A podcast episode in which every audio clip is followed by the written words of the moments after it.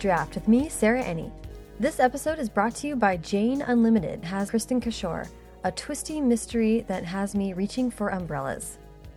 Also, I am recording a special episode to be released next week, and in it, I'll be answering listener questions. So if there's anything about the podcast or books or me that you're dying to know, send your queries to questions at firstdraftpod.com. This week, I'm talking to Dan Santat, Caldecott Award winning author and illustrator of The Adventures of Beekle, The Unimaginary Friend, as well as Are We There Yet? and Sidekicks, among many others. His newest picture book, After the Fall, is out now. Dan invited me to his home in Southern California, a warm and welcoming space with a menagerie of pets. Dan himself is warm and welcoming, and he wasted no time jumping into a radically honest discussion of his childhood, his constant quest to develop as a writer, and how anxiety inspired his most recent book. So, pause your marathon binge of Stranger Things, focus on your inner child, and enjoy the conversation. Right. Okay, so hi, Dan. How are you? Hi, I'm doing well. Thank you for uh, coming over to my lovely home. Oh my gosh, thank you so much for having me. This is really gorgeous. Oh, I'm thank you. You're just saying that. I'm not. I would never. I tell people their homes are ugly all the time. you get out. um, so first of all, can you say your last name for me? Santat. Santat. Okay. Yeah. I feel like there's a hundred different ways to go about when you have that many vowels in it. So, or right. you know what I mean? Well, it's Thai, and originally it was Santat Ivong Chai. Oh. And then when my parents came to America uh, and became American citizens, they said, let's see, we're going to lop off the other 11 letters. You're just Adam and Nancy Santat. And they said, okay. and, the, and the crazy thing is that I found out later on that Santat Ivong Chai was actually a last name that was given to uh, the family by the king of Thailand. Wow. Like, I guess my great, great, great, great grandfather back in the day used to be a town crier in Thailand in this little village. And the king bestowed this last name, Santat Ivong Chai. And uh, I don't know what it means. I don't know if it even has a meaning. But I remember going to Thailand once. I went to this village, and my dad just pointed to all these people, and he said, They're all related to you somehow. and I said, Wow, I love that we're starting with family because I really would like to hear where you were born and raised. Ah, I was born in Brooklyn, New York. So my parents they uh, they immigrated here from Thailand. My my father was a doctor, my mom was a nurse, and they were at the Long Island College Hospital, where I was born in 1975. And then by the time I was three, we had slowly made our our move west, moved out of Brooklyn when I was one, and then we went we went out to Wyckoff, New Jersey and then stayed for like another year in in Springfield, Illinois, and then made our way out to Ventura County out here. For those who don't know, uh, Ventura County is in between Santa Barbara and Los Angeles. It's uh, very agricultural. So I was one of few Asian kids in this predominantly white rural agricultural area. And you you said your dad is a doctor and your mom is a nurse. My father, yeah, my father was a pediatrician, and then he uh, he was working for the state. He wasn't private practice, so there was a point where they needed more cardiologists. So they said, "Why don't you? We'll pay you to be a cardiologist." And he said, "Okay," and he became a cardiologist. And then they said, "We'll pay you to be a psychiatrist because we need no." And he said, "Okay," and so he's a psychiatrist. Uh, once I was born, my mom uh, stopped practicing. She was a nurse became full-time mom and mm-hmm. dealt with this army of one. Ventura County, my really good friend Kirsten Hubbard was raised there. Okay. And um, it's funny, she and I talk a lot about when you're writing high school stories and you mm-hmm. are a California high school kid, mm-hmm. that you quickly realize like how different high school experience is here than in other parts of the country. It's like outdoor campus, much more diverse than some areas and uh-huh. stuff like that, where it's like, yeah, no, that's interesting that you say that. I'm actually working on a YA memoir. What? Uh, right now, yeah, with First Ooh. Second, uh, with my editor Connie Hsu. You know, for tying everything about family. The whole thing is about how my parents wanted me to grow up and be a doctor. Mm. And I just had a natural attraction and passion for art and writing. It was something that culturally my parents were trying to discourage in me because, not because they wanted me to be unhappy, but because they just weren't familiar with art. I mean, art's always been stigmatized as this thing that you just you're starving and you're not going to be able to take care of yourself and make a living. Right. And I think that was the thing that that they really wanted to push against. And then also growing up in Ventura County, you have these matters of not really being able to identify with the Asian community because it's so predominantly white. And then if you do meet people from other Asian cultures, you know, it's Chinese, it's Korean, it's Japanese. Uh, a lot of my friends were, you know, second, third generation Japanese. So by then they were well integrated in uh, in culture and society. And then for me, being, you know, the first Thai member of my family, being born in the States and my parents really not having too much of a familiarity with, you know, Western culture. And a lot of it was just me growing up trying to figure out how things worked. So, for example, I remember when I went to school, I was in kindergarten and uh, I was introduced to Santa Claus. oh, yeah. And I said, wait a sec. You're telling me that there's a big fat white guy in a red suit that comes down my chimney and he gives me presents. And I said, that sounds pretty awesome. And I went, I went home and I was just like, Mom, we have to get a tree. We have to do all this stuff because Santa Claus is coming. And my mom looked at me. And she's like, "There's a white guy in a in a in a what? Like he's coming down." So you know, they didn't want me to not fit in. So you know, of course, they went through the whole the whole thing of getting the tree and doing the presents. But they did it to the limited capacity of, well, we're not really sure if we're supposed to uh, play the role of Santa Claus and if you actually believe this Santa Claus thing because you know you're five, six now, and well, Santa Claus hasn't come for a visit prior to that. and and so you know, with that, uh, I was an early, I was an early Santa denier because I remember I would go to school and it's like, oh, there's that kid, and he always gets in trouble.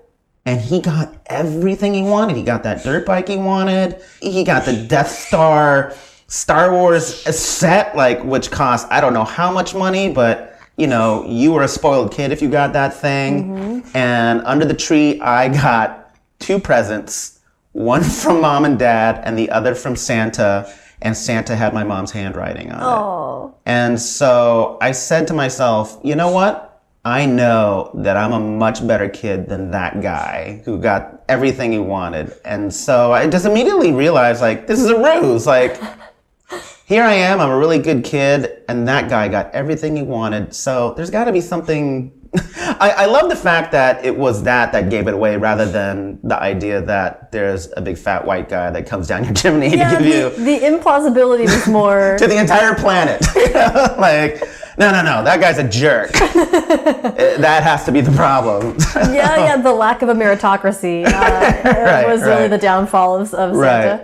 right. right. It's also really interesting to me. That's like that. This is a great example of an aggressive adoption of a Western cultural thing by you, and it immediately fails. Right, right. I mean, you know, there's there's a lot of things about being an only child growing up in a predominantly white neighborhood. Like a lot of my friends, you know, you'd say, "Oh, what are you doing this weekend?" And they'd say, "Oh, we're going to go dirt bike racing. You know, I'm going to go to the lake and go water skiing, and our and we're going to go jet skiing." I used to think that there was something wrong with me because I didn't like those things. Oh, interesting. Like I thought something was wrong with me because the idea of dirt bike riding wasn't what I considered fun. That's interesting. And yeah, and also there was this whole idea of so I grew up in Camarillo and a lot of engineers worked at the nearby military base, you know, white collar office work. And my, my, my spectrum of imagination in terms of what uh, adulthood would be was that someday I'm going to wear a suit and I'm going to carry a briefcase and I don't know what's in the briefcase, but that's what an that's what an adult is. And um, that mixed with your parents saying you're going to be a that doctor. you're going to be a doctor and it's not a matter of choice like that's just how it is you're just going to grow up and be you're going to grow up and be a doctor and it felt like a jail sentence to a certain degree it's predetermined that you're going to do this for the rest of your life whether you like it or not I feel I feel like that is a common immigrant story or first generation Sure. kids story. Like you're going to be an engineer, you're going to be a doctor, this and this, done deal. But again, like the alternative from the like Western world that you're living within is also untenable. Like Yeah. all, what all of my friends' parents are doing doesn't look good either. So you're kind of stuck in no man's land. Right. I remember, do you ever do those things like they would have people come in and talk about their careers? So I remember there was a guy who uh, he came in and he was an illustrator and he did movie posters. And I was really excited because he brought in the original painting for Fletch. And I remember looking at that, I would see posters and I thought, I thought it was a photograph, you know? And then I saw the Fletch movie poster and I was like, wait a second, you painted that? He's just like, yeah. And I said, how long did this take? And he's like, oh, you know, after taking some photos and transmitting it onto a piece of canvas, uh, about three days. And I was like, you painted this in three days? And you got paid for it? Like, that's amazing. like, that really excited me. And then at the same time, I just immediately would just shut the door because I'd say, well, that's not my destiny because my parents won't let me do that. So Interesting. let's not even think about that. My parents didn't even let me take art classes because they were afraid that it would discourage me from my true passion of one day becoming a doctor. of being a doctor. You know? Oh my gosh. Yeah, my parents were very they were very driven in the fact that if you're going to be a doctor, everything you should do should be pointed in that direction. Hmm. So you should play golf because because golf, you know, because doctors Yeah, play golf. You yeah. should play tennis because doctors play tennis. If you want to read a book, you should read a math book so you get better at math. Because of that, it just really discouraged the love of reading. I hated to read. Uh, The only thing I really loved reading was the Sunday comics or, uh, you know, like Garfield every day of the week. Uh, and then that's how I got started. Like, I would just start copying pictures of Garfield and I would just go from there. Uh, Garfield. I love that. Right. And it was just most of my art education from the beginning was just self taught. And I eventually got a paper a paper route back in the day when uh, you could be a paper boy Mm-hmm. and then I would take all my I would take all my paper route money and I would go to the liquor store and I'd buy comic books. Oh, and then funny. and then I graduated from Garfield and I started copying pictures of the X Men and the Incredible Hulk and uh, and Spider Man. And then that was just that was just a gradual Wow. uh, education in itself for you know most of my childhood. Yeah. So despite being discouraged, you kind of found a way to be doing those things anyway, a little bit. Right. Well, so uh, you know, going back in the in the story, my so my mom suffers from lupus, which is an autoimmune disease, and that came shortly, or actually almost immediately after I was born.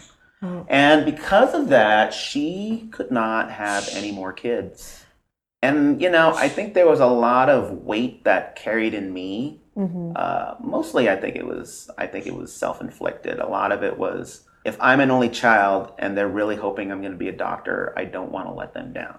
Wow. And to reciprocate that, even though my mom, I mean, definitely on my mom, if any of the two parents were playing the good cop, it was my mom. Because my mom also felt bad that I was an only child. She wanted four kids.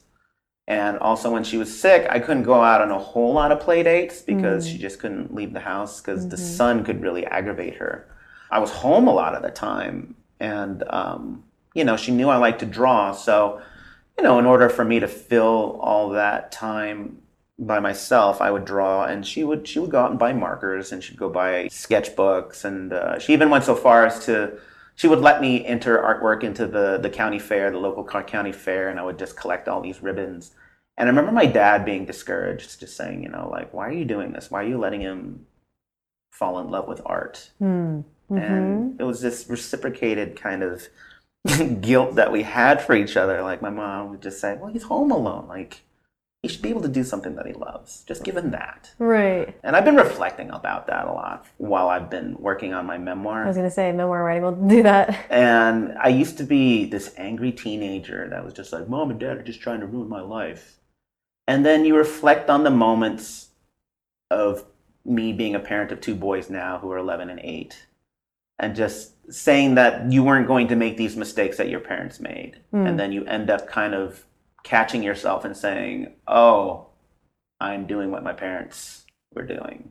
It gives you a lot of information about what their intentions were. So when you're trying to think back about moments in high school and you're trying to write about them, you know, not not it's be it's important to be impartial and not and not sit there and let out your rage about oh and then my parents did this and then they ruined my life by doing this. Right. You relive these moments that at first you found were very contentious and you know they were just trying to rule with an iron fist and, and then and then you think about it and you try to put their intentions into your mind when you're writing their character side of the story Right, right. and it's it's very therapeutic yeah, right. Well, I was gonna say, have you had like, have you and your dad have had an interaction of any kind of like? Did you ever get a moment where he was like, "Well, I guess this worked out"? Uh, yeah. So, so uh, going back, so when I when I got accepted into art school, so the backstory is that I went to a four year college. I, I got a degree in microbiology. I got accepted into dental school, and then I had this whole semester to kind of just finish out my units to graduate. Mm-hmm. And it was all my friends at art. It was all my friends in college who said, you know, you really, uh, we really feel like you'd be making a mistake if you were a doctor because we know that's not what you love. We know that you love to do art. Like just just see if you can get into art school. Just you know, just try it. And you know, you would sit there and you would think, gosh, you know what? I would. I just want to see if I have it. I just want to see if I have the stuff. So, you know, my last semester in college, I'm going all over San Diego, trying to find figure drawing workshops and just taking a crash course, just trying to Oh, throw wow. a portfolio together in a span of like 10, 11 weeks. And I did this without my parents' knowledge. They didn't know I was doing this. And then graduation day comes, and my parents take me out to dinner, and they say, So, are you ready to go to dental school? And in the middle of dinner, I say, uh, Mom, Dad, I got into art school. And they just stopped, and my dad looked at me, and you could just see it was like a combination of terror and sadness. Hmm. Because I think it was at that point he realized, oh, this, this isn't going to happen. This- Like, you're going to do your own thing anyway.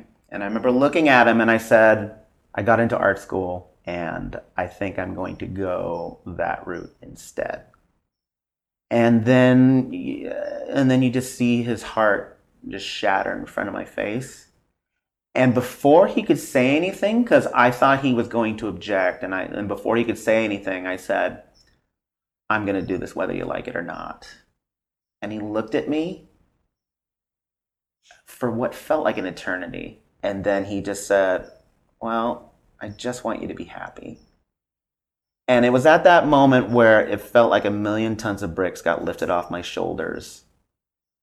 And I already came, I came with an arsenal of information because at the time Lion King was the hot new thing and everyone mm-hmm. was talking about 3D animation and computers. And, you know, I had all these articles and I said, look, you know, like places like Disney are paying six figure salaries for people to animate on a computer, you know, and and I said, oh, there's all these people that can make careers doing, you know, like album covers and, you know, mm-hmm. video games and things like that. And I was a big video gamer when I was a kid and he knew that. And I said, you know, you could do all these things on a computer and you can make a, you can make a living. And I, and, and I think that really relieved him to a certain degree. And with my mom, I remember my mom pulling me aside and she was just like, yeah, I knew this was going to happen. and so I went to art school and my parents, Uh, you know, they, they still had their reservations like, is he, because art school is not cheap. No, right. I remember. Which art school did you go to? I went to the Art Center College of Design in Pasadena. Okay. Which is probably one of the most expensive art schools in the country. and so, and I felt like I was really behind a curve. I felt like, oh my gosh, I'm going to go to school with all these kids who've been nurtured to be artists for years. And here I am. I threw a, t- a portfolio together in 10 weeks, and, you know, I've been spending my entire life copying X Men covers. Um, but I went to art school, and of course, my parents would look at all my work. Like, it would just be like an assignment where I'm studying color with color swatches, and they would just look at my assignment and they'd say, How are you going to make money off of this? you know?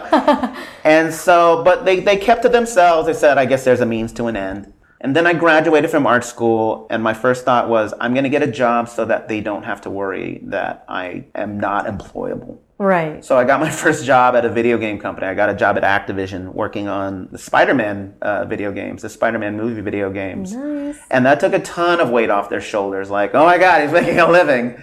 Um, and I was at that for six years. But the the moment that my my dad said, "Oh, this was a good choice," was uh, when I got my first two book deal with Scholastic, Yeah. and that was a year out of art school. And I attended a conference, the SCBWI Children's Book Conference, which was only at the time it was only like four miles away from where I was working. hmm And I said, okay, well, I should show my portfolio and my dummy book. And I went to this conference and I had my portfolio on the d- portfolio display. And then after the judging was all done, this editor comes up to me and he has my dummy book in his hand. And he says, I saw this manuscript and I want to take it back to my publisher and I want to give you a, I want to give you a two book deal. And I said, oh, uh, well, the proper book etiquette is I'm supposed to send it out to one editor at a time. And I had already pr- promised it to an editor at another publishing house. And so I was looking at this editor and he was just really like confused and shocked, like, oh, okay. And he's like, well, if you have any other ideas, here's my card. And I take the card and I walk away. And my children's book teacher, who was at the conference, she pulls me aside. She like grabs my arm, like really like hard, you know. And she looks at me. She's like, "What are you? What are you doing? What the fuck are you doing?" and I said, "Well, you taught me. Like, there's a, a publishing etiquette. I'm supposed to send it to one person at a time." And she said, "Do you know who that man is?" And I looked at the business card and I said, uh, "It's Arthur Levine."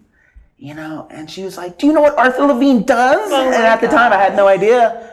And I said, "No, what does he do?" She's like, "He edits Harry Potter." And I was like, "And my I was like, what have I done?" She's like, "You go back to him. You go back to him and tell him that he can take that manuscript and give you a two book deal."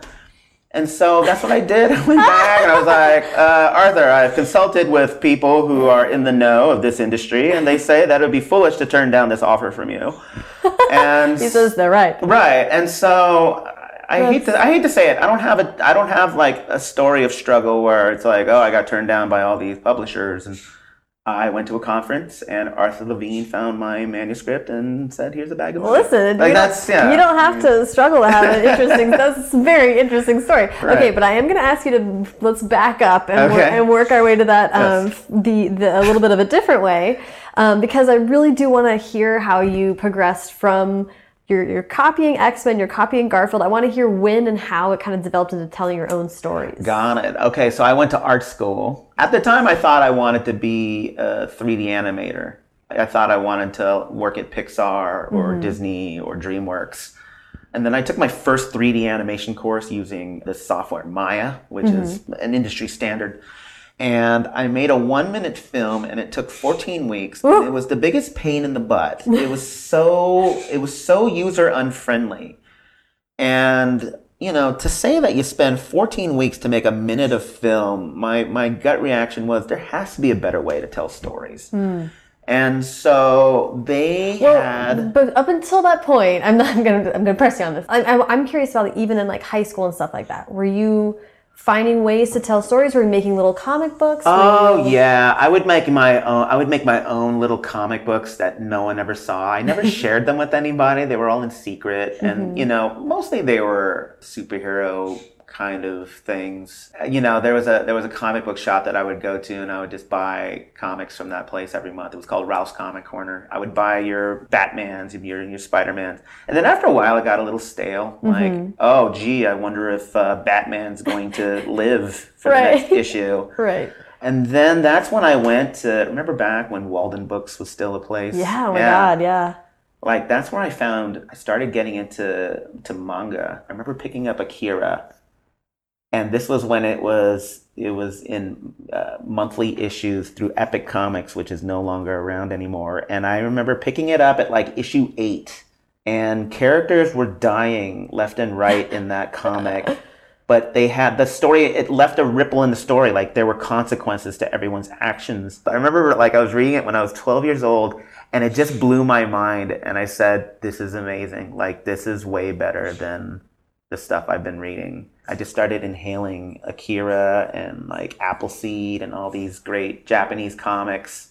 Well, and what I love about that is that you're discernment, right? You're like growing and figuring out what your taste is, Right. and it's driven by story. Because Right. what I really want to hear from you throughout is about visuals and story and how and words and, and images how they kind of interplay and Yeah. So yeah, going back to art school, I so I, I I had to figure out that there was a better way to tell stories, mm-hmm. and I took a children's book art class, and you know they said, oh, picture books, thirty-two pages, you tell a story, and I just immediately fell in love because I could tell a story. A lot of it felt heavily driven by illustration. And it was mostly things that I like to draw anyway. I liked like drawing monsters and robots and, and you know all these fun little things. It, it quickly became apparent to me that I didn't actually love to illustrate, but I love to tell stories, and that illustration was a means to tell stories. really It was yeah, it was in art school I think when I realized that moment. Um, what is that can you break that down for me so let's let's say um, like you can have a gallery artist, you know, paint a painting, and they're completely content with that painting, and it doesn't have to mean anything. It can just be a beautiful image. I did some editorial work uh, back in the day. You know, I would do stuff for Entertainment Weekly and and Time, and sometimes they would just say, "Okay, here's an article." About a hedge fund, try to try to encapsulate this entire article in one single image, uh, and that was a different type of narrative where you're trying to explain an entire article with one image. Uh, kind of like a book cover right. It's like a that. it's a different kind of thinking than actually sequential narrative Hmm. art that you'd see in comics or even picture books. And just thinking back to my interest in making my own comics when I was a kid, making comics was it was a really labor intensive process. And i thought i don't know if i could draw this much it- like every month. If i were to do an issue of x-men every month that would drive me nuts. Mm. and i remember thinking like i would rather write the issue and then have somebody else illustrate it. Yeah but then going into picture books they say well it's 32 pages but they give you like six months to illustrate the book. And i said oh well i can do that. It really was kind of like a baby step for me to get into writing because I mm-hmm. was never I was never very or at least I never felt like I was a strong writer. Like like I said going back to my childhood writing never felt like it was a possibility. So I never I never really focused on it mm-hmm. all that hard uh, but I do remember when we would have creative writing assignments, I would just go all out and I would do a book cover. I'd even do my own about the author photo in the oh back Oh my gosh awesome. things like that. And uh, so it was like that's how much fun i had. And and it wasn't so much about even then it wasn't even so much about the writing. It was about the process of designing an entire book. Mm. and so picture books just felt like it was it was palatable for me at the time. Yeah. And so you know now i've been doing books for gosh what am i like am i my 14th year of doing books? And as i progressed you know i've learned a tremendous amount about doing picture books. Uh, i've done one graphic novel with scholastic called sidekicks that came out in 2010 and that's a completely different experience. But i do find that i'm more passionate about telling longer stories you know which is why i'm tackling you know this YA. I've got another graphic novel in the works that I'm doing with Scholastic. The beauty of you know like a middle grade or a YA is that you can stretch your legs out. You can you can take your time to build a moment, to build the emotion in a scene. Whereas with a picture book, it's guys, we have 32 pages. Uh, keep this word count, hopefully under 300 words, and that in itself is a very difficult process. That yeah it's like a couple of tweets but yeah, right. And it's and it's a completely I never even thought of it that way. Yeah. That's crazy. um, you're you're using a different part of your brain. yeah that's a poetry as opposed to long form Right, right, Yeah. right. And I don't know, maybe it was my love of of cinema back when I was a kid. Like I inhaled movies. Like because I didn't like to read because of what my parents offered me to read, Mm-hmm. I inhaled cinema. Like I watched so many movies in the 80s and 90s. I mean, now I try. I, I probably watch like three or four movies a week. Really? I'm I'm just that's amazing and I make it. It's it's almost like a job for me to sit there and I, I just want to see how people tell stories. yeah But now every moment I have, I'm spending time. I'm not spending any of my time trying to improve on my craft uh, as an artist in terms of drawing. I mean, I do. I experiment, but not nearly as much as uh, me reading books of all kinds to just kind of get that spark that will inspire me to come up with an idea. You know, and now I'm at this point in my career where I hope that people can maybe look at me as a writer who is equally as good at writing as he is as an illustrator, rather Yeah. than an illustrator who happens to just write, if you get what I mean. Yeah. Oh, yeah, yeah, Yeah. yeah. Well, that's that's super interesting because that is like, you know, I've been wanting to talk to illustrators for a long time because because I love this. Or I'm like, if you have that skill set, I love hearing that that you kind of see the visuals as like a means to an end Right. in some way. Yeah, yeah, absolutely. And uh, I have to say, I, I think it might actually come to uh, a slight advantage to be able to communicate things visually sometimes. Like, mm-hmm. especially with a comic, you know, you don't have to talk out certain feelings. Sometimes you can have a very impactful moment by just having a quiet, wordless scene. Mm-hmm.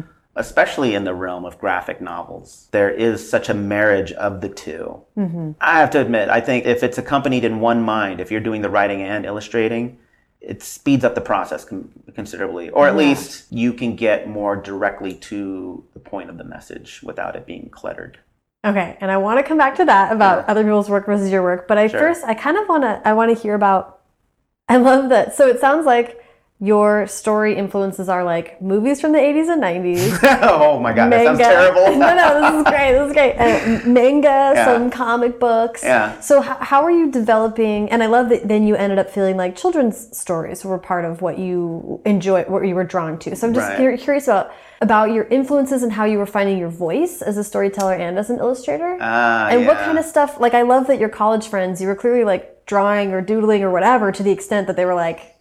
Yeah, Dan likes this more than Right, more than right. people's mouths. So my influences. Um, I remember when I sold my first picture book. It was called The Guild of Geniuses. It came out in 2004, and the premise was you have this society of geniuses. Like around here in Southern California, you have a lot of Elks lodges. Oh yeah. Uh, people that do a lot of community service, and then they get together and they rah rah, and they, you know, they have all these little fun events the premise of my book was that you had this guild of really smart people who just spend their time using their brains to solve all the problems of the world. And then in the in this book, this, the the problem arises when a, a famous movie star who has a pet monkey can't figure out why his monkey is sad.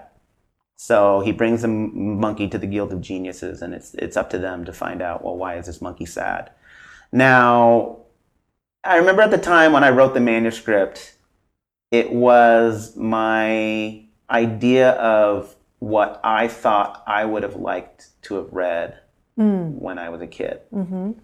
And now, now that I'm a parent of two kids, I I think I think when you try to recall what it was like to be a kid, you end up being way off. yeah, yeah, yeah. You, I think, you give yourself a very idealized view of yourself when you're a kid. Like, oh yeah, no, I did this, and you know, I never got in trouble, or you know, or maybe, oh, I worked hard. I, you know, I, I you know, I, I, I earned everything. or you know like oh i love this i love this and my kids are going to love this and you sit there and you watch and observe your own children and then you realize that your view of childhood is off in the sense that the little things are the things that they are really intrigued by and unfortunately that first book wasn't like wasn't very well received not not to arthur's fault but mostly because i just wasn't ready i just wasn't ready to write Really? you know i think uh it, you know, it's one- it's one of those things where you look back at your book and you say, I would have done things differently. I didn't figure out my voice. And I think that was the thing, and I didn't know what to say. Uh, and then I had another. So the follow up was uh, my graphic novel Sidekicks, and that was about four superhero house pets who were owned by a superhero. You know, I grew up with a lot of pets. Uh, my wife loves animals. We have three dogs, two cats, a bird. We used to have a rabbit somewhere, a fish you know, you'd have these discussions of, okay, well, what do these pets do when we're not home? Right. And the idea that, well, if I could teach my dog tricks, would a superhero be able to teach their pets superhero tricks? Oh. And also, just I started integrating a lot of personal experience. Like, I didn't have any siblings, but I had friends who would bike home after school, and it would just be my friend and his older brother and the mischief they would get in while their parents were working till five or six o'clock. Mm-hmm. And that was the thing. It was relating the story to kids in a certain way that I was missing. And you know, so sidekicks. A lot of it is about sibling rivalry. Yeah. It's about it's about wanting to be the favorite. It's about wanting to get that attention.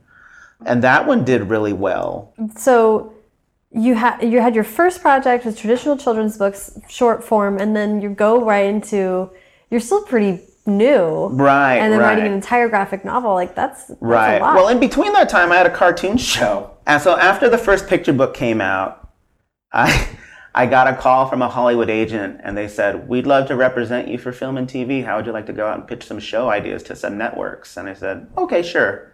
You know, and one of my very first pitch meetings was at Disney Animation. And I pitched them this cartoon idea called The Replacements, which was going to be a children's book that I wanted to illustrate. And the premise was a boy is really uh, upset that his parents make him do chores, they make him brush his teeth, they make him take a bath, go to bed at a certain time. And he looks into an old comic book, and again, there's the whole comic book influence, but he finds an old comic book. And back in the old days, there were comic books that had pages where you could buy sneezing powder and x ray glasses and things like that. And he comes across an ad that says, You can replace your uncool parents with cool parents. And so he cuts out the ad and mails it, and then eight to ten weeks later, a box shows up, and he gets these cool parents, and then his regular parents get carted away like props, you know. Right. And so suddenly he has a Mexican wrestler dad and a cowgirl for a mom.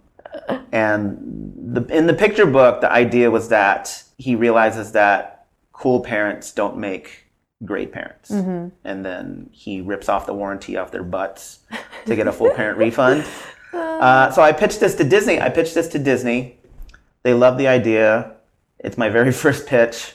that's amazing. They buy the show, and then two years later, it's on Disney Channel for three seasons. wow. Um, but I learned a lot, and so that's a that's a completely whole other experience. Here I am, what like four years out of art school, and I've got a cartoon show.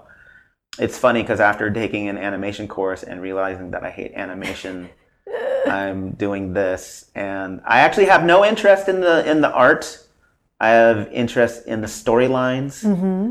and you have all these network executives that just want to touch everything. yeah. So you'd submit a script and they'd say, mm, change this and this and this. And you'd think, yeah, you're really homogenizing this and making it lame. Mm. And I say, well, um, you know what? The boss thinks that's a good idea. So uh, I think you should do it. Right. And then you end up being like a company guy. You're just doing what they want. And, I, you know, for lack of a better view, I guess I felt like maybe I sold myself a little bit. Mm. And I was getting so many notes. This is the other adverse effect to it, is because you end up getting so many notes that you felt like you didn't know how to write anymore. Oh, yeah. And you just don't feel confident in what you're doing. And so after the first season, I left the show wow. because it was just too discouraging. And then that's when I focused on sidekicks. Okay. And so Fight, Sidekicks was my first book after Guild of Geniuses. Coming out of this whole thing, just feeling really insecure about myself. And I'm really terrified. I'm thinking, I hope people like sidekicks. I hope I'm not an imposter. I hope I'm, I hope I'm actually a decent writer. I hope Right. I, I'm a, I hope I'm an okay writer. And, um, you know, when sidekicks did well, it gave me this hope that, you know, oh, maybe I do belong in this business. And that was when I decided I'm just going to focus on doing the best children's books I can. Yeah. And up to this point, I was spreading myself pretty thin because I was mm. working at the video game company while I was running a show, while I was writing and illustrating books and illustrating books for other people mm-hmm. and doing editorial work. And I was averaging maybe four hours of sleep a night. Whoa. And then it wasn't until the birth of my first son where the, that sleep would get broken up. And then I just couldn't live like that. It was really unhealthy. yeah. So I walk from the show and I say, okay, I'm just going to work on books full time. While you're illustrating other people's books and reading other people's manuscripts, it's a tremendous learning experience. Right. Because you're seeing how they write and then you're illustrating not necessarily the text, like you're not literally illustrating the text. You're filling in the blanks that they're not saying directly mm-hmm. because because the, the the magic the magic behind a picture book is that the text is supposed to say one thing and the illustrations are supposed to tell the other half of the story. Chip Kidd gives this great lesson. He says, you can write the word apple, you can show a picture of an apple, but you can't have both on the same page because then you're talking down to the audience. Okay. I was very mindful of that. And just by illustrating other people's manuscripts, it made me a better writer hmm. because I was learning from their craft. Mm-hmm. And then just like everything else, like the way you learn is by imitation. So you kind of say, well, okay, I'm going to try to write a little bit like this person, Yeah. you know, but it still has your own unique touches to it.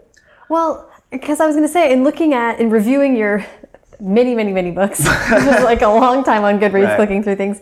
It seemed like, especially then, obviously, when you get to, um, I don't want to say it wrong, Ble- Beekle. Beekle, yeah. It like at that point, it felt really different. Looking at Yeah. Guild of Geniuses and Bleakle is Yeah. like you. Yeah. It seemed like you have such a distinct point of view. You'd like kind of grown into this Right, right. fully realized thing. And so the funny thing is, is that up to that point, I had been asked to illustrate, you know, a lot of humorous books. I think mm-hmm. people just saw me as this person that just, that he's a really funny guy.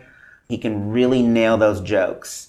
Like il- in your illustrations, you can make the joke land. Yeah, I can make the mm-hmm. joke land, or I can add to the joke. I can mm-hmm. make it funnier. I can punch it up. Mm-hmm. And then I also ended up in this place where, and I didn't see this too often in picture books. I was kind of like the action picture book guy, where I would do. Uh, the, one of the first books was Oh No, or How My Science Project Destroyed the World, which was heavily influenced by Japanese monster movies. And it just, the whole book just reeked of it. It just felt like someone had made a Japanese monster movie and just put it into a book. But it did so well, it, ended up winning a silver medal at the Society of Illustrators. And then that just kind of puts a stamp on you. Like he's the mm-hmm. robot guy, he's the mm-hmm. action picture book guy, and then you end up getting manuscripts like Three Ninja Pigs, and mm-hmm. you know you get funny manuscripts like Crankenstein or Carnivores, and it defines your list after a while. And so here I was. It's time to do Beekle. Right. And uh, up to that point, like I was spreading myself so thin that I didn't have any time to write anything new mm-hmm. after, because Sidekicks was a very long process in Yeah. between everything else. And so when it was time to sell Beekle, I'm a completely different person. I have a whole set of knowledge about what kind of stories I want to write. Mm-hmm. I'm influenced by my children now. So. I was gonna say you have two kids, right. a whole life different. and so the idea behind Beekle was that it was my son's first word. My wife and I were at an intersection, and a man on a bicycle bikes by, and then we hear our son in the back seat say Beekle. And my wife and I we look at each other and we say, "What is he trying to say?" And we look back, and he's pointing at the guy on the bicycle, and he says Beekle, and we realize that it's his first word for bicycle. Wow. And my wife says, You know, that's a really adorable word. Like, if you were to write a book, maybe that should be the name of a character or something. And so most of my inspiration comes actually from just being bored. Just kind Yeah, of yeah, yeah. sitting, just sitting in LA traffic Mm-hmm. and just letting your mind wander and just thinking of premises. Because at the time I was also pitching show ideas, which got old really fast because it was just stale. But but it was just yeah, but it was just constant like pitch, pitch, pitch, and you'd just be throwing ideas together. And Beekle was this idea about an imaginary friend, and I thought that seems right up the the alley of what a network would want, or you know, it just seemed like the same thing. Everything felt the same. It felt like every pitch about an imaginary friend was, oh, there's a boy who had an imaginary friend, and then he grew up, and then he didn't need his imaginary friend anymore. So what happens to the imaginary friend? That seems like 99.9% of imaginary friend ideas. Mm-hmm. And I, I don't exactly know how it landed in my mind, but one day I just said, what if the imaginary friend was born and then he was waiting to be imagined by somebody? And, it, and the premise was that I wanted the idea that somewhere in this world you're perfect for someone. And the initial draft of it was that he was an imaginary friend who kept trying to change himself. Like he would paint spots on himself, he'd put on some fake horns to try to fit in, to try to be something that he was that he was not. Mm-hmm. And talking to my editor, you know, she said, "Well, that's more of that's more of like an older theme. That's more of like a teenager kind of trying to fit in with the crowd kind of mm-hmm. thing." You know, this story's a picture book, so you have to you have to speak younger. And and then that's when I thought about it from a point of view of uh, making your first friend. Mm-hmm. And so that's how Beekle came about. And then just kind of really getting into the whole emotional part of it.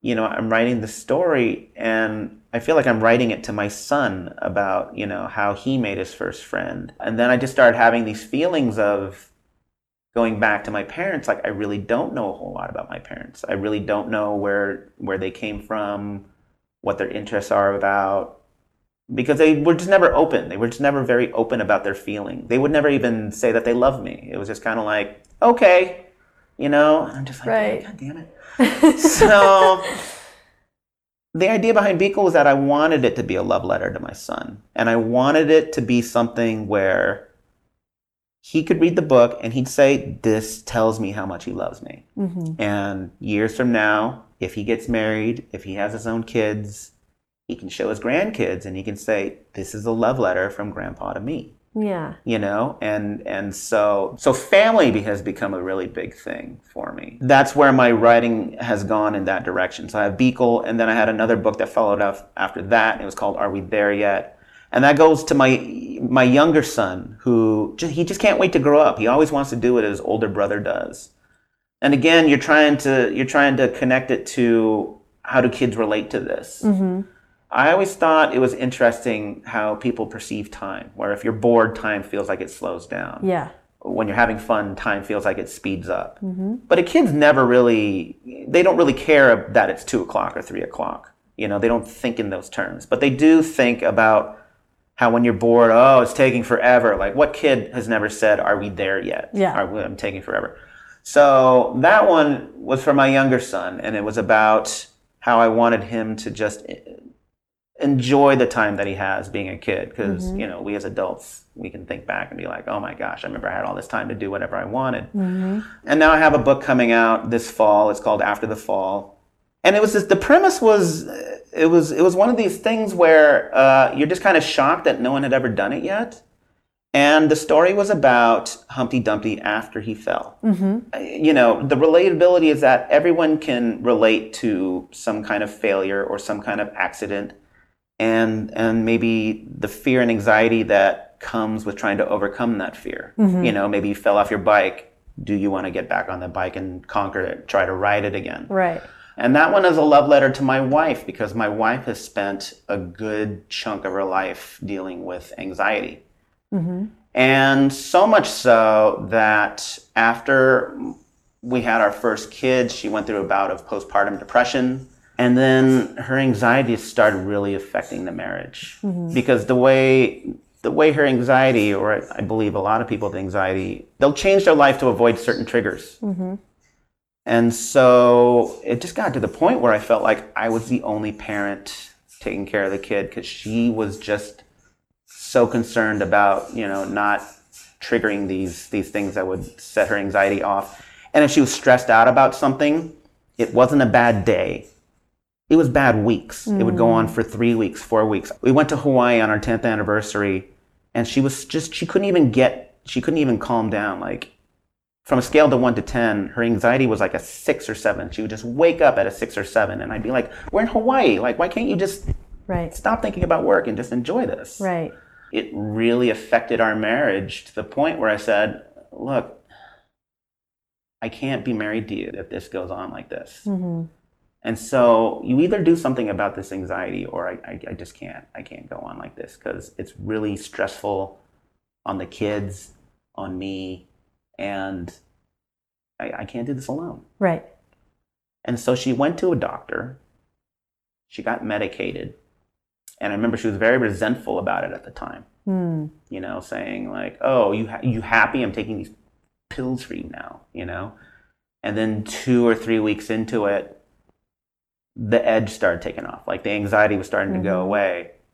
But the weird part about it was that it stressed her out even more Not having the anxiety. because it was almost like a security blanket kind of feeling Yeah. where it's like my body's telling me that there's constant danger 24/7 and now that it's telling me that there's not I feel like there's something wrong. yeah, or I'm missing it, or Right. And so what? 6 8 weeks on the medication she was a completely different human being. Wow. And it was like she was the person I met in college. She was the person that I fell in love with. And it's a big step. It's a big step for someone to overcome their anxiety. And I'm not saying that medication is the answer for everybody. I know plenty of writers who have anxiety and they just they live with it. They function as best they can. Mm-hmm. And that's the other thing cuz my my older son he's also inherited that anxiety. And that's mm-hmm. also a concern of mine because I guess the debate my wife and I have back and forth is should we do something about this now before he starts tailoring his life to it? Right. Or should we just let him choose uh, how he wants to live his life? My wife insists that he should be able to choose when he's older. And in the back of my mind, I can't stop but think, like, I feel like I'm doing a disservice to my son by doing that. But I relent and I say, okay, uh, who am I to say that if you want to live that way it's the wrong way? So I, I do that. I do that and I step back and, you know, I, I let him do what he does. But after the fall comes very much from the life experience of living with someone with anxiety. And in the story, you have Humpty Dumpty tailoring his life to avoid heights Right. uh, in every way possible until he's put in a position where he's forced to climb the wall again. and he's a uniquely fragile He's, yeah, person or Right. character. it changes him. It changes them. I'm not. I'm not going to uh, go any further about what happens, but it, it was very.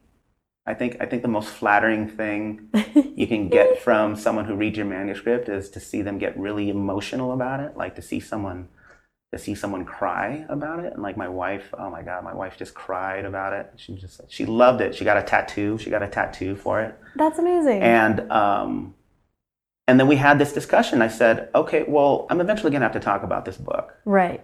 and I, I just want to know if it's okay if we talk about this. hmm And she said, uh, you know, I want people to know everything because if it can help them, then more power to it. Yeah.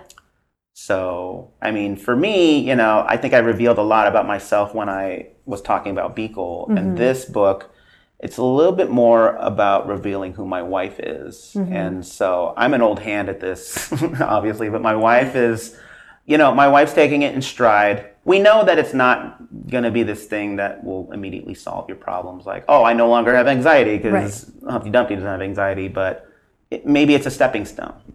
And so that's that's where we're at. Yeah, or having stories that refer to that. I mean, like being around and knowing as many creative people as you and I do, like Mm-hmm. there is a lot of talk about mental illness, anxiety, all these kinds of things. And Mm-hmm. then, um, and I'm like constantly talking about my therapist and all this, like referencing her conversation all the time. Yeah. And I feel like the honesty then becomes kind of second nature. And then every once in a while, like I was recently helping a close friend of mine go through something hard, Mm-hmm. and she was like, "Oh, I'm having a panic attack," and I was like. Um, you are not having a panic attack. I absolutely know what a panic attack looks like. Right. Mm-hmm. We would be handling this very differently if it was. You probably have anxiety. You probably this and this. Another friend got uh, diagnosed with ADHD, and I was like, I'm so unsurprised by that. Here's how, people that I know who can, you can talk to about which medications they take, blah blah blah. And it makes me realize that there are still like pockets of people who where this isn't a common conversation. This Right. isn't like Yeah. so. Have being open about your wife taking medication and taking that route is really real. I have to admit, I have a, know, I have a, I have a pretty strong resentment for anxiety. I don't have anxiety, but I hate what it does to people. Yeah. Like I hate how it, they become a prisoner to it. I think early on, before I realized that my wife had anxiety, because she never admitted she had anxiety, and you know, leading up to it, it would just be a constant like, "What are you afraid of? Like, get over it, get over it." Not realizing that she could never actually get over it, Right. you know. But uh, Yeah. Anxiety sucks. it's terrible. It's terrible. Yeah, so it'll be interesting to see how people react to the book who have anxiety. That's really interesting. So when we're talking about inspiration, a lot of inspiration for me just comes from deep down, just kind of just being really honest with myself. Mm-hmm. I think that's where the best stuff comes. But I've I've I'll admit I've been I've been kind of having a, a bit of a a dry spell, or not not a dry spell in, in terms of ideas, but for some reason a lot of my ideas are sprouting up more towards oh this seems more suitable for a middle grade. This seems more suitable for a young adult. Interesting. Um, and I don't know if it's a matter of the content I'm imbibing, but uh, the age of your kids. yeah, perhaps. getting Yeah. older. Right, right. Or maybe what I'm, yeah, maybe what I'm watching, or just maybe what, maybe Well, what I'm more interested in these days. You don't know. said earlier that you feel like maybe to some degree drawing all these robots and aliens and dragons was like a recapturing a youth you were perhaps robbed Right. of in some way. Right. That maybe you're like aging. Well, definitely. I mean, uh, going back to the memoir that I'm writing, that deals with my mom's breast cancer. It deals with I was I, was, I had a, I had a rough time with my dad because of this uh, this cultural barrier that we had, where my dad absolutely had no knowledge of how to cook or clean in the house because that just wasn't the role of the Asian male. Like I go out and make money. Mm-hmm. You get really at the time you get really pissed off because you know your mom's going through chemotherapy and your dad comes home and he's like what's for dinner? And you're like what? Like mm-hmm. you need to step up man. You gotta you gotta take care of her because she's vomiting from from the chemo drugs. Mm-hmm. Like have have a heart. I remember this moment where it was just you could just see a clear wall where like my dad was raised a certain way and i was raised another way. And we just couldn't see eye to eye and like there was just no way he was going to see what he was doing was wrong hmm. For me it's the inspiration isn't well i guess i guess the inspiration so i was with gene yang at the at the miami book festival. This was back in like 2009 or 2010 and i had read american born chinese and it changed my life. It was one of these books where i just said this this spoke to my soul man. This was amazing. Yeah. And then we were just exchanging stories about what it was like growing up as Asian Americans and, you know, the struggles with our parents about wanting to be creative. And, Mm-hmm. and then I told him the story about my parents. And, and it was Gene. Gene was the one who said, You need to write this book. And I said, uh, I'm going to wait till my parents are dead before I write this book. And he said, I know you say that, but there's a lot of Asian kids out there who need to hear this story because Yeah. they totally relate. So after winning the Caldecott Medal for Beekle, I, I don't know if other medalists go through this, but there's this pressure of having to live up to this award Yeah. because it's such a big award. Like yeah. you don't want to let anyone down. You don't want to let a publisher down by Mhm. doing something that isn't worthy of that title. I remember talking to my editor and agent, and I said, I think I want to try my hand at this memoir. hmm And then, And They the memoir is a graphic novel yeah. format. Okay. And they said, yes, I think that's a good step to take. And so we signed it, and I, and my parents still don't know about it. Really? They still don't know about it because they just don't want any of their stuff aired. Like my mom would flip out if she was like, "You're you told people I have breast cancer. Right. Like, right. how could you do that?" And rather than go through the years of hearing my mother nag while I'm writing the book, because I think like if that if they were to impart their disapproval throughout the process, it would influence the story. hmm And you know, you're like, oh, maybe that's too hard on my parents. I should back off on that. Right. Granted that this this book also doesn't paint me in a in a whole positive light. Like there are some really ugly moments in my life that I'm not proud of that go in the book. Like I talk about how I beat up three guys in a parking lot at Denny's with a golf club. Well, Um, I mean, it, I didn't start it, but it was a very ugly moment where I just, for a brief few minutes, I just wasn't a human being. yeah. Like I just turned into this ugly monster, you Yeah. know? But it all kind of builds about, you know, the pressure that I had as a teenager and just not having an outlet to share it with anybody, just Right. kind of keeping it in and then just exploding all at one moment Yeah. it's not an inspirational tale that I don't necessarily feel like this paints the Asian culture in a great light, but it does allow us to feel human. Yeah. So Well, it wouldn't be. Uh, it's interesting to hear that because memoirs aren't typically like about praise, right? right, right, right. It's always going to be about about struggle. There's always going to be conflict. But the thing I really relish is about just the raw honesty of it all. I feel like there's a line that a lot of people won't cross. I talk to other people who write memoirs. You know, you kind of ask, did you hold back a little bit? And some of them will say, like, yeah, I, I changed a little bit. I didn't, or, or maybe there's just a line they won't cross. And um, I don't know. I'm just I'm aggressively chasing after that line. Maybe it's all the Sedaris that I read, where you know he just tells all this stuff about you know his family, and he's not necessarily apologetic about it. Oh my God, he's so not apologetic. Right. Um, Maureen and I were just talking about his ro- most recent Fresh Air interview. Yeah, Uh, his new book. Yeah. Yeah, It's literally his diaries, literally. Yeah, uh, yeah. But he just is very, you know, talking about the death of his sister. His sister took it, um, her own life. Right, And right. he was like, we we totally contributed to that. Right. My family was not great to her. Talking Right. about, yeah, I mean, it was just, it's like remarkable. I feel like there is part of me that is so interested in this because I feel like radical honesty is this like only way that we're gonna like survive the moment that we're in right, in, right. in a real way. It's Yeah. like we we have to push against the Instagram filter of like w- the world that is happening around us. Mm-hmm. We need to talk about our therapists and talk about anxiety and be Right. like like warts don't go away; they just get photoshopped. Like right, right, right. there's some thing really refreshing about listening to Dave Sedaris be like. I dreamed about this life, and now that I have it, it's amazing. Yeah. and I, you know, he's just he's honest about the good and the bad. Yeah, in a way that we don't hear that much, yeah, yeah, and yeah. it's really refreshing. It's been a process. Like there are chapters that I'm, I know I'm just not ready to write yet. Yeah, Like I know, okay, this happens in this chapter, but I need to get emotionally set. Like I never thought that would happen to me. yeah. And so I'm actually writing chapters out of sequence, just saying I'm going to come back to that later because that's really heavy. Sometimes I'll work on it on a plane. I'll write on a plane, and I remember writing. I remember I wrote a chapter, and then I just started crying in my seat, hmm and I was, I was flying to a conference like in, I think it was like Wisconsin. You know, I'm just, I just turned away. I was looking out the window. Yeah. Yeah, and of course, I look like someone that's like Wisconsin's so beautiful, and and so you just kind of sit there and you go, okay, that's enough writing for today. Yeah. Most of that is not only to make something that Asian American kids relate to, but I think it's more it's more therapeutic for me. Well, I was going to say, do you think the moments like that are? It feels like that's a big moment of growth as a writer. Oh, absolutely. I never want to feel I never want to feel comfortable when I'm writing.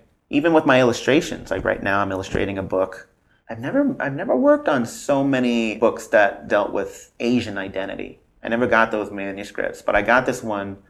Uh, it's called Drawn Together, and it's about it's about this grandson and this grandfather who can't communicate with each other because of a language barrier, but they bond because of their abilities to draw. I can relate to that. I could never speak with my grandmother. She spoke Thai. I spoke English. I could understand her, but I couldn't communicate back to her. Mm-hmm. In that respect, I, w- I felt very deeply connected to the manuscript. But after a while, you know, you keep illustrating the same books over and over again, and you can get a little bored sometimes. Like Yeah. you're just doing the same thing the same way. And so now I'm experimenting more with this book, and I can typically knock out a picture book spread, like a two page spread, in, in a day. And these are taking me about, on average, three days, which is very unfamiliar to me. And I'm excited because I never know what the end result's going to be Cool. but it's also brand new. It's being able to experiment for the first time. And I just, I love that. I love not knowing what the end result's going to be and it's going to be something fresh. And I haven't, I have to say, I haven't felt that way in maybe five or six years. That's and you know, there's a lot of, there's a lot of growth. There's a lot of plateaus that come with your work. And Uh-huh. so you get to a point where if you've plateaued for a certain while, I think the anxiety is this is as good as it's going to be. Like this is this is it. This is all I'm going to be. And so when you do finally have a breakthrough, and it's not something that you can struggle that you can force, being able to write, being able to illustrate.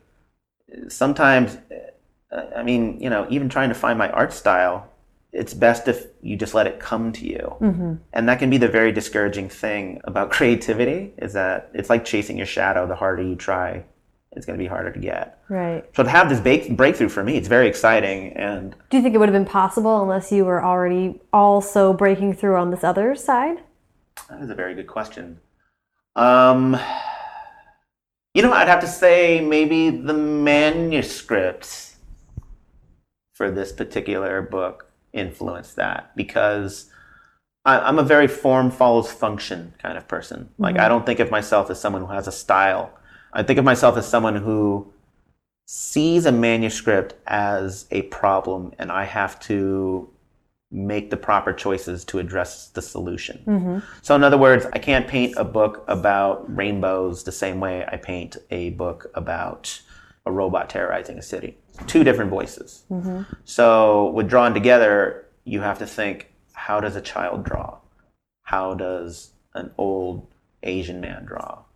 And then in the beginning of the book, you're literally drawing as a child, you're literally drawing as an old man. Right. And then at some point in the book, their styles blend together.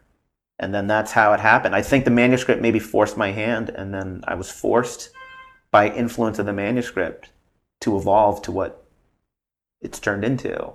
I have a basic question to ask because I don't know this Sure. exact process, and I think um, many of my listeners might not be familiar.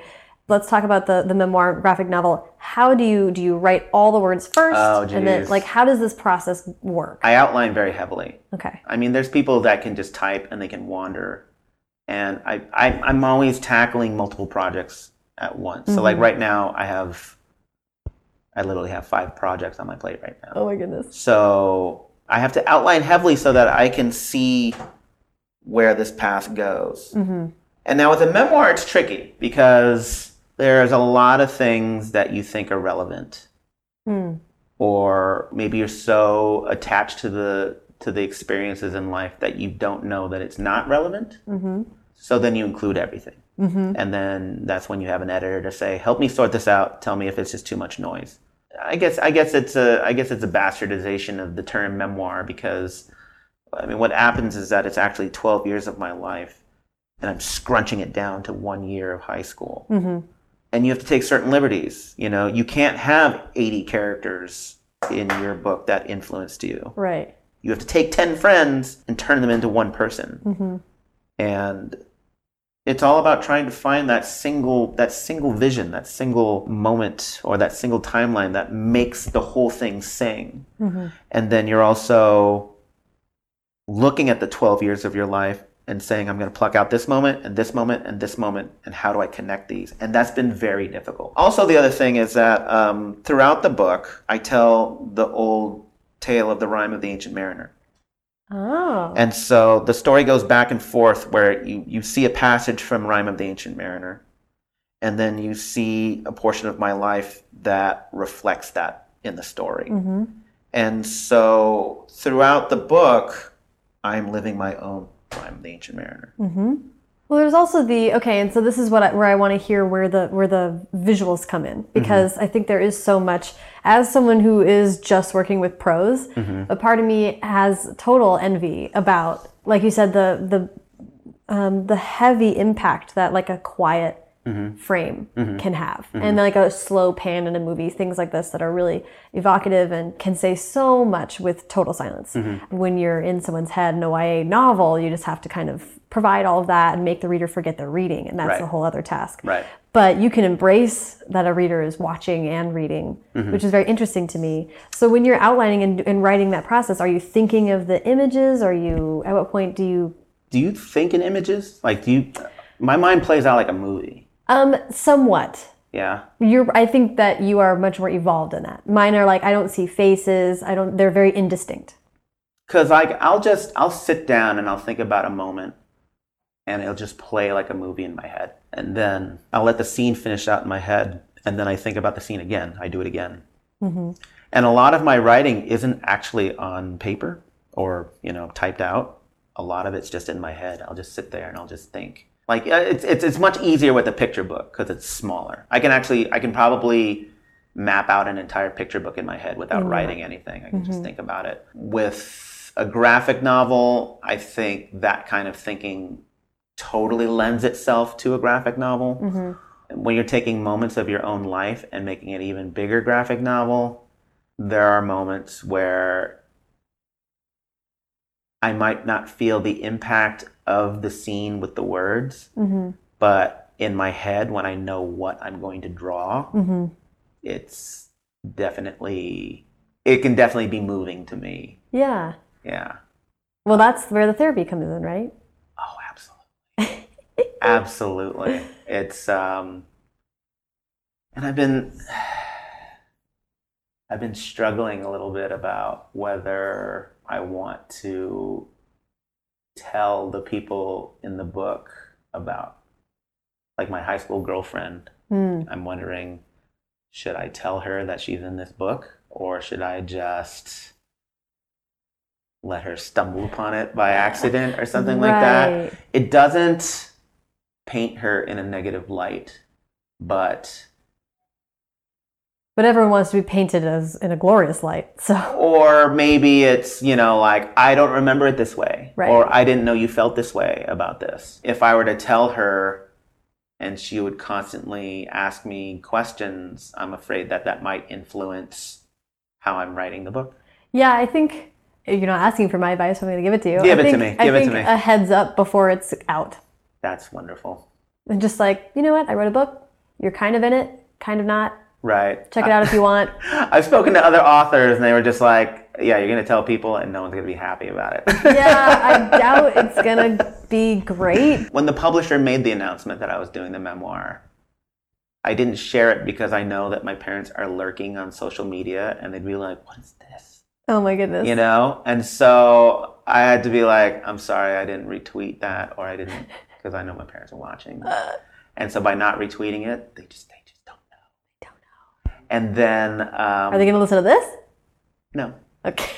and uh, I mean, I'll share it, but like they probably, but I'll share it on the, the platforms that they don't follow. that is amazing. Um, so, so we wrap up our interview with um, advice. Yes. So I would just love to hear general writing advice, but I'd also love just advice as someone who is writing and illustrating their own work. What what's what are some tips? Oh gosh, I don't want to give a cliche response. I, you know, I'll go with form follows function. One of the best pieces of advice I got was from the head of the graduation, the grad department for illustration at the School of Visual Arts.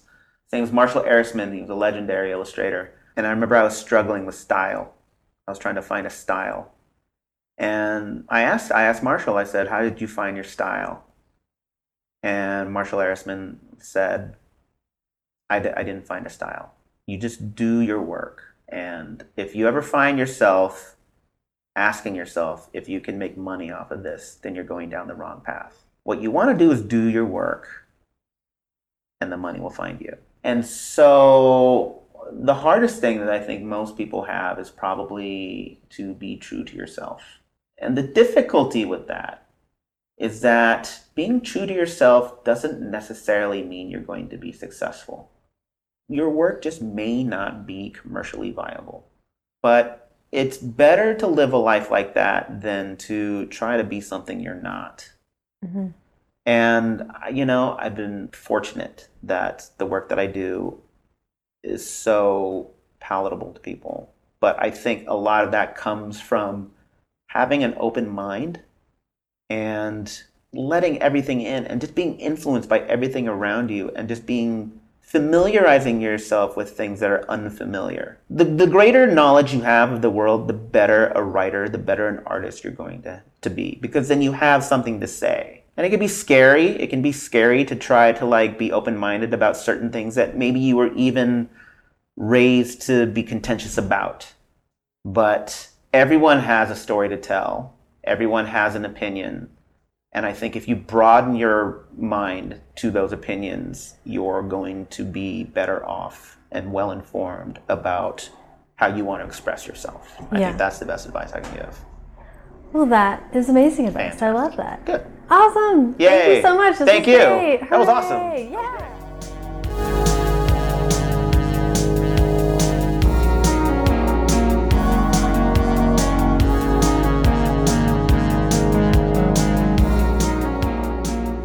Much to Dan. Follow him on Twitter at dsantat and follow me at Sarah Enni and the show at First Draft Pod. You can follow the show on Instagram and Facebook too, but for links to everything that Dan and I talked about in this episode, as well as a searchable archive of previous interviews, and to sign up for the First Draft newsletter, be sure to check out firstdraftpod.com. Again, if you have any questions you'd like to hear me and maybe some author friends address, send them over in an email to questions at firstdraftpod.com or reach out at firstdraftpod on Twitter. If you like what you heard, please leave a rating or review on iTunes. Every five star review gives me the courage to tell the people in my life that I'm writing a juicy expose. Thanks to Hash Brown for the theme song, and to Colin Keith and Maureen Goo for the logos. Thanks to super intern Carter Elwood and transcriptionist at large Julie Anderson. And, as ever, thanks to you, unimaginary friends, for listening.